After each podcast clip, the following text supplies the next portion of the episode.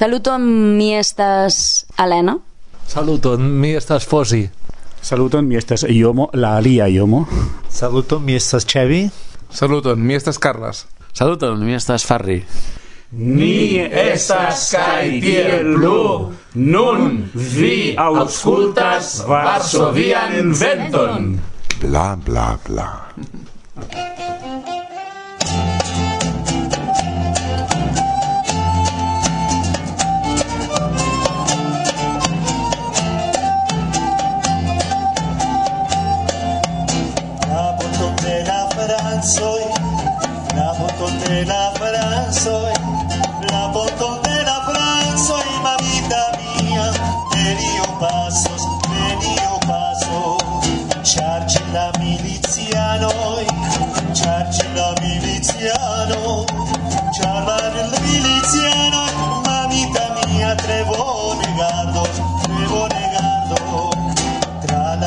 casa de campo, a la casa de campo, a la casa de campo, mamita mía, cae manzanares, cae manzanares, olas pasila Mauro, olas pasila Mauro, olas pasila Mauro, mamita mía, de río, pasos de río.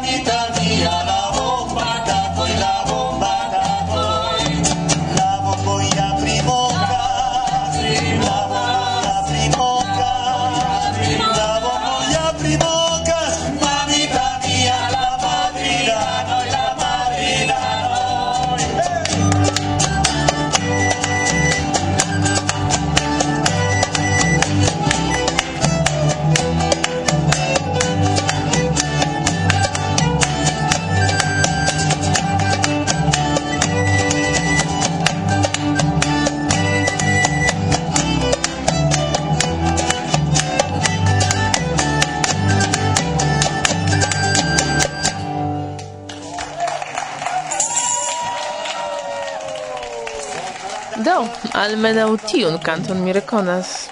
Kai tiel plu, ĉu? Yes, la concerto kiu okazis kelkaj jaroj antaŭe en Tuluzo. Hmm. Mi bedaŭras, ke mi ne povis ĝin partopreni.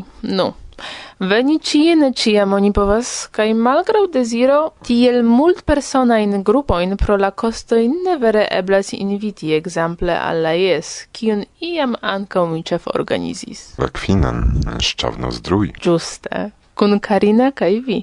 Hmm, bela tempo, sed eh, tiam se bone mi memoras dum la vespera programo prezentigis fakte sufiĉe multpersona grupo ŝanĉo.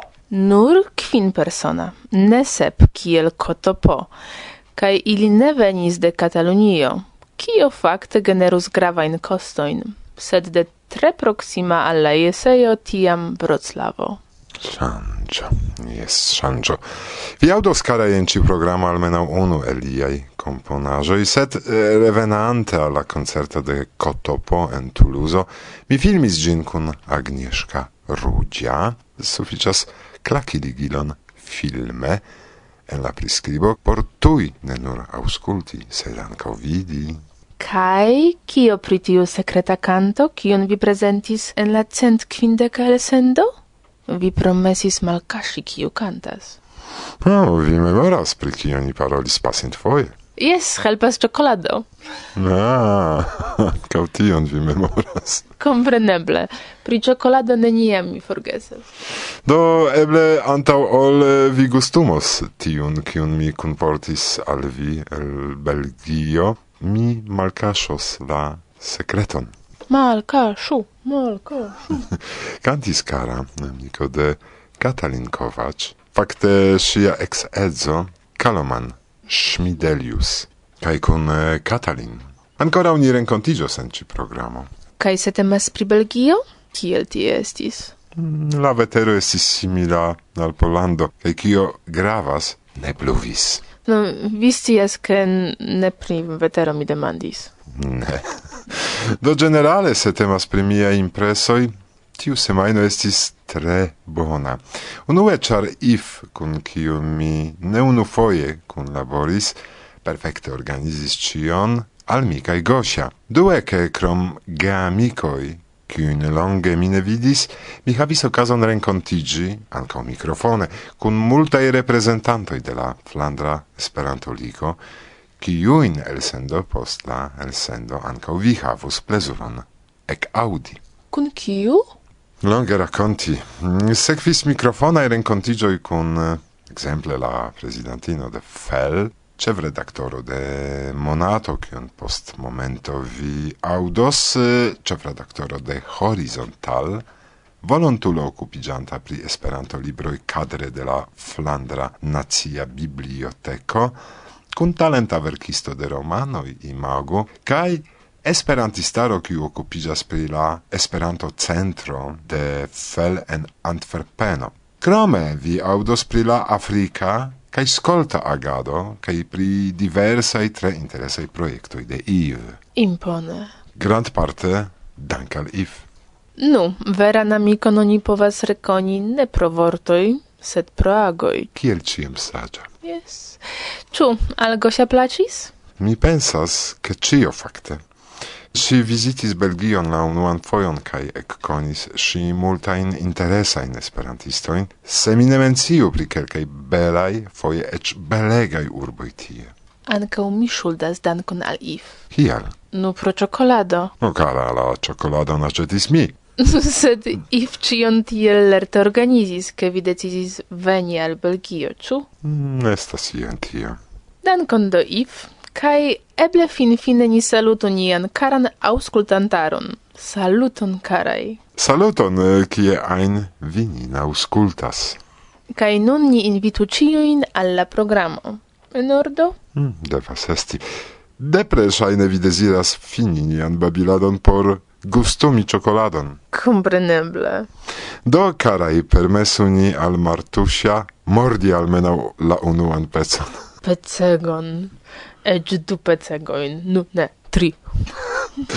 Agrablan auscultadon, do. Agrablan. Njam, njam, njam.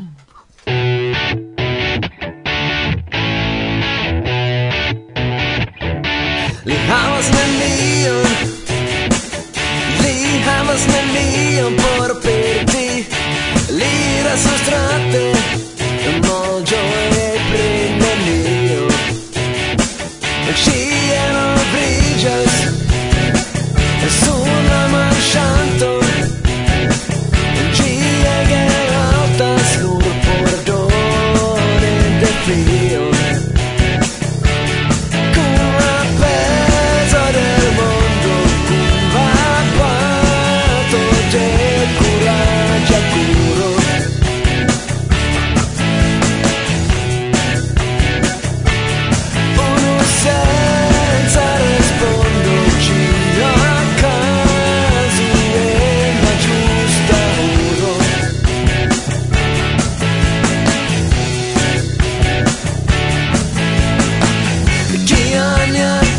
escucharte.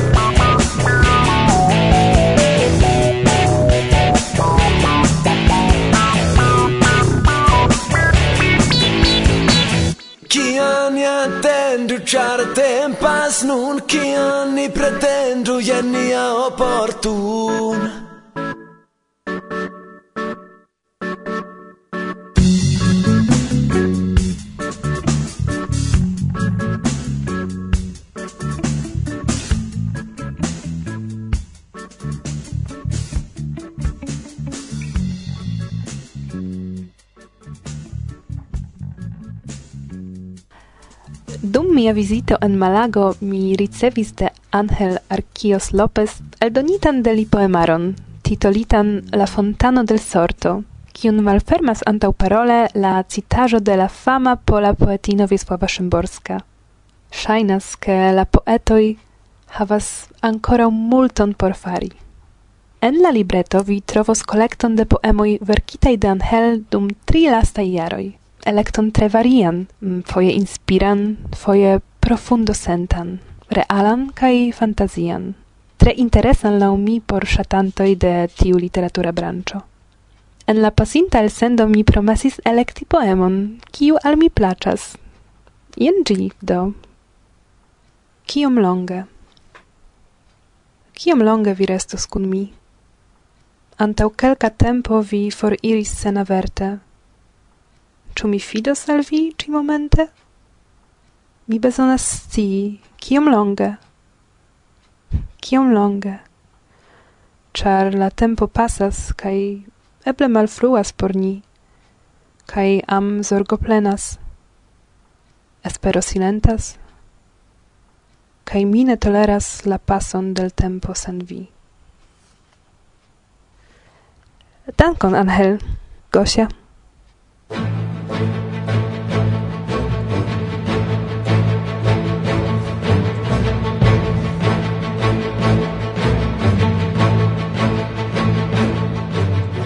La actualaĵoj komenciĝos de trista, tamen por multai grava informo, ke malgraŭ la espero yes la junulara esperanto semaino pro la pandemia kialo okazos nek reale kai ech nek virtuale pri kio vaste informis la organizantoj.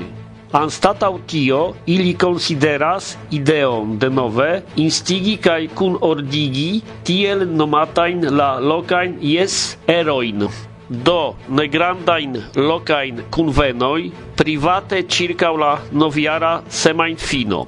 Informoin cae proponoin pri tiui etai rencontigioi vi trovos baldaŭ ĉe la retejo de Jes.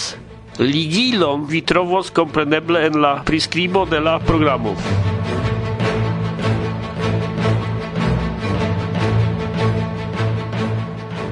Nenion ancora ni scias pri nuligo de la aliaj novjaraj aranĝoj, nome no ro la deknaŭa noviara renkontiĝo kiun kune kun NIS, la noviara internacia semajno por gejunuloj, oni planas organizi en Wiesbaden, kaj sekvanta la tradicion de iama IFO Luminesk en Münster, pri kio aparte ni informas reklame.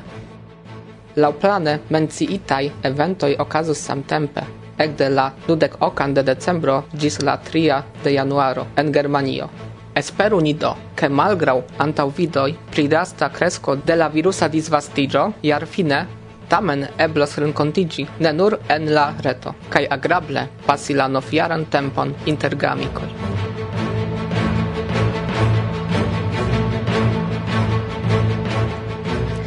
Kiam vi nun auscultas niain vocioin, la dua virtuala malcongreso de Esperanto jam okazis, kaj supozeble bedaŭru, se ĝin fine partoprenis. En la programo ja aperis nekutimaj temoj kiel konspiraj teorioj, magio, erotikismo kaj seksumado, drogoj, filozofio, religio kaj similaj tabuaj temoj. Se ĉio tio sonas al vi taŭge, nepre vizitu la retpaĝon de la evento ĉe Facebooko, kie la organizantoj promesis prezenti resumon kaj filmetaj koncertojn. Kaj divenu kio okazus se la virtuala malkongreso iĝus malvirtuala. Ho, kara zamcio, sufiĉas kelkajn barb-afiŝojn por funkciigi la imagon. O-o! Oh -oh.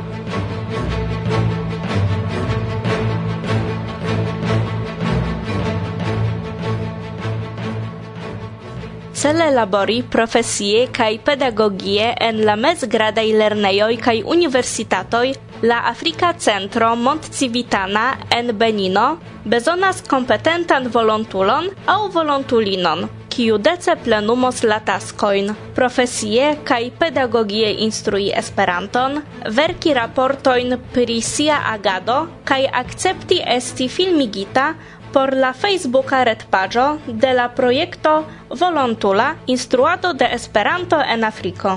Ĉiuj necesaj informoj pri la kondiĉoj kaj postuloj vi trovos kontaktiĝante kun la organizantoj. Serĉu informojn en la priskribo de la programo.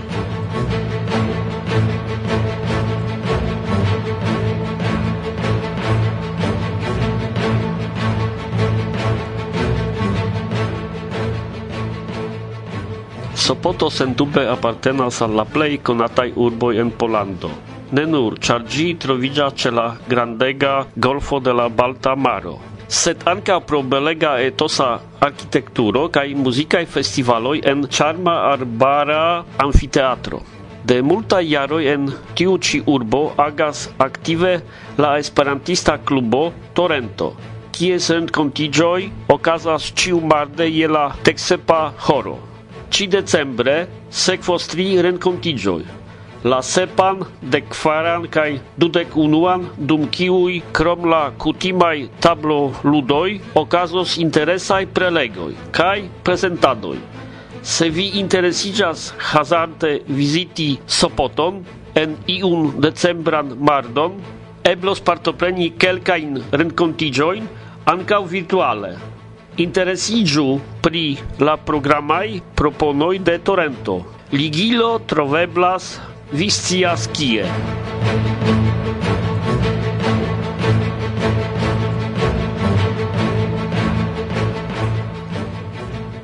Kunlabore Esperanto Klubo Rondo Esperantista de Kivania kaj Kina Klubo La Passions de Rutshuru Norda Kivuo en Demokratia Republiko de Kongo aperis filmo Quasau corpo sen coro, kiu racontas pri normala vivo de la plei bona cae lerta atletino de sia generacio, kiu pro conflictoi, resulte de la locai politicae voĉdonadoj, estas perforte forcaptiginta cun la aliai sam agiulinoi. Pri tio ciui ili engagigas en kontraŭvola servo al ribela gruppo Movado de Sentima Generacio. La filmo spekteblas ĉe YouTube. Ligilon vi trovos en la priskribo. Kaj valoras mencii, ke ĝi aperis laŭ kun instigo kaj traduka laboro de Joel Muhire No kaj Kambale Amani Love.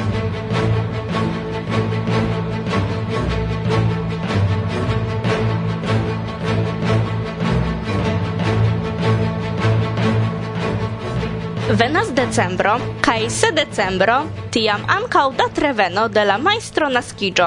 Tiun eventon festas preskaŭ ĉiuj esperantistoj en la mondo. Multaj opinias eĉ, ke la dek kvina de decembro estas unu sola kaj la plej grava festo de nia movado. Simile opinias la bialistokanoj, loĝantoj de la urbo en kiu Ludoviko Lazaro naskiĝis. Tiu okaze Inter la naŭa kaj la dekdua okazos la dudekduaj bialistokaj Zamenhof-tagoj. Dum programo de kiu, krom la kutima meto de floroj ĉe la monumento akompane de la lokaj aŭtoritatoj, sekvos interesa kiel ĉiam programo, kiun pli kolorigos inter alie koncerto de Jomo. Se vi interesigas pri la plena programo, klaku konforman ligilon, kiu troveblas en la priskribo.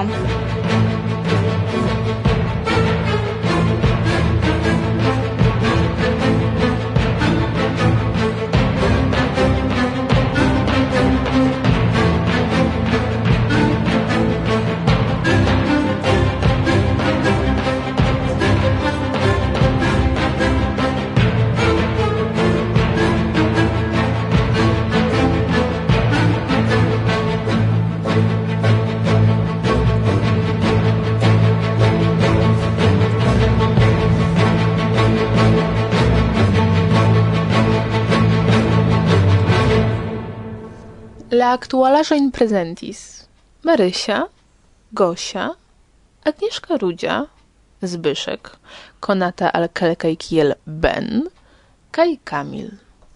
Antau preparis ilin Gosia kaj Kamil. Kaj vi, Iom. kiel ĉiam. Bla bla.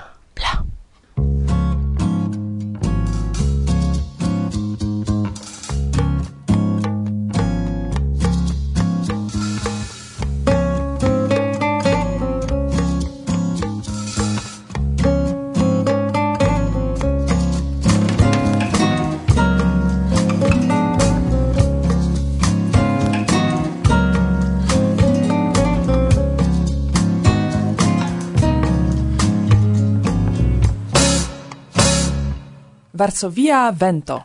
Bla, bla, bla. Antaŭ momento ni babilis pri naŭdekaj jaroj, do vi tion, karaj aŭskultantoj, ne sekvis, ĉar mikrofono ne estis funkciigita tiam. Mi rememoris unu epizodon, kiam venis amiko kun esperantistaj kasetojn kaj diris, ĉu vi ŝatus aŭskulti esperantistan muzikon. Kaj mi diris, jes, jes, lasu kaj poste mi aŭskultos ilin. Kaj subite mi prenis iun metis en magnetofonon, kaj mi audis monato. Tiam mi eksciis, ke ekzistas revuo, kiu nomiĝas monato kaj eĉ eldonas son kasedojn por ke tiuj kiuj estas blindaj aŭ havas iun vidproblemon povas simple aŭskulti. Do ekzistis tiu periodo, ke Monato ankaŭ eldonadis al la ĵurnalo son kasedojn kaj Ĉu tio okazas ankaŭ nun? Tion mi ne scias, sed mi povas tuj demandi.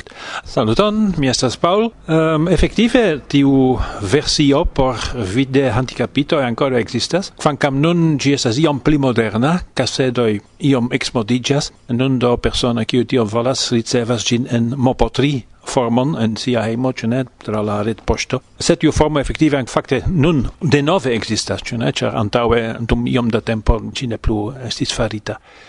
Kaj krom tio estas fakte kvin diversaj aliaj versioj de monato, multo en estias tion, sed la klasika formato kompreneble estas la prestita, la papera versio, kiu daŭre restas la plej populara, malgraŭ la facto che la posto jen ca jen ne bone funkcias pro pandemia o pro alia kialoj, Existas ankaŭ versio speciale exemple por Kindle, Kindle estas tiu legilo, ĉu ne? No, por por Kindle aparato existas EPUB versio por homo kiu havas iPad aŭ iPhone, do ankaŭ tio pli kaj pli populariĝas. Do estas diversaj formoj por diversaj gustoj. Ne ciu eble scias pri kiu revuo temas, do ĉu vi povas skize rakonti la historion kaj la ideon, eĉ klarigi al homoj kial nomo monato? Fakte interesa demando, ĉar En la comenzo, gi ne nomicis monato, gi nomicis semaino.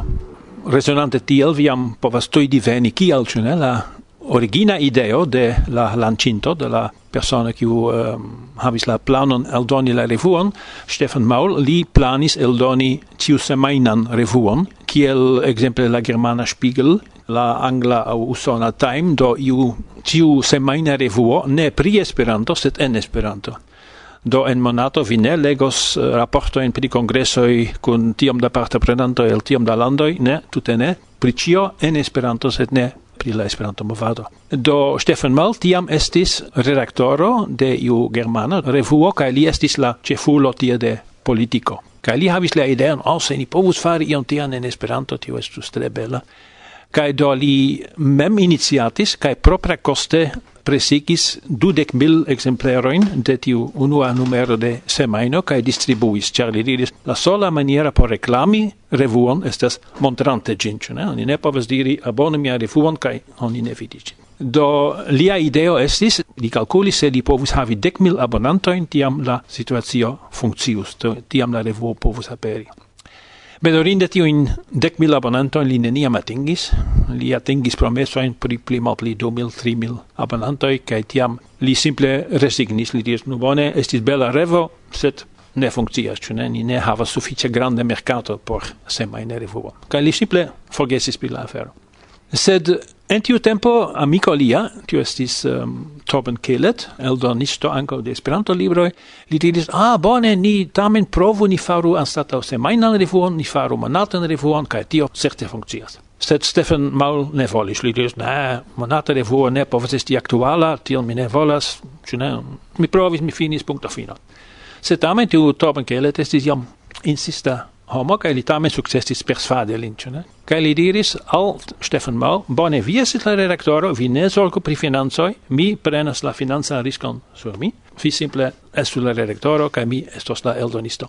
Kai sub tiuj kondiĉoj li efektive akceptis kai do iom poste fakte en la fino de la jaro 1979 do antaŭ longa longa tempo aperis la unua numero de Monato. Ideo estis sama ne pri Esperanto, sed per Esperanto, pri ciai temoi, politico, economio, scienzo, literaturo, diversai temoi, sed ne movadai. Kai nu poresti en la parto historia do monato aperis ekde tiam regule, facte con malgranda pauseto, pri mi eventuale poste povas paroli, sed nun do estas gia quardec dua jarkolekto jam, kai gi daure fartas bone um, fakte lasta tempe venis multaj abonanto abonantoj novai verkantoj ankaŭ ĉar kompreneble oni devas verki ne nur legigin do ci fakte suffice bone fartas. Ankaŭ mi estis eldonisto de revuo kai mi sias la problemojn.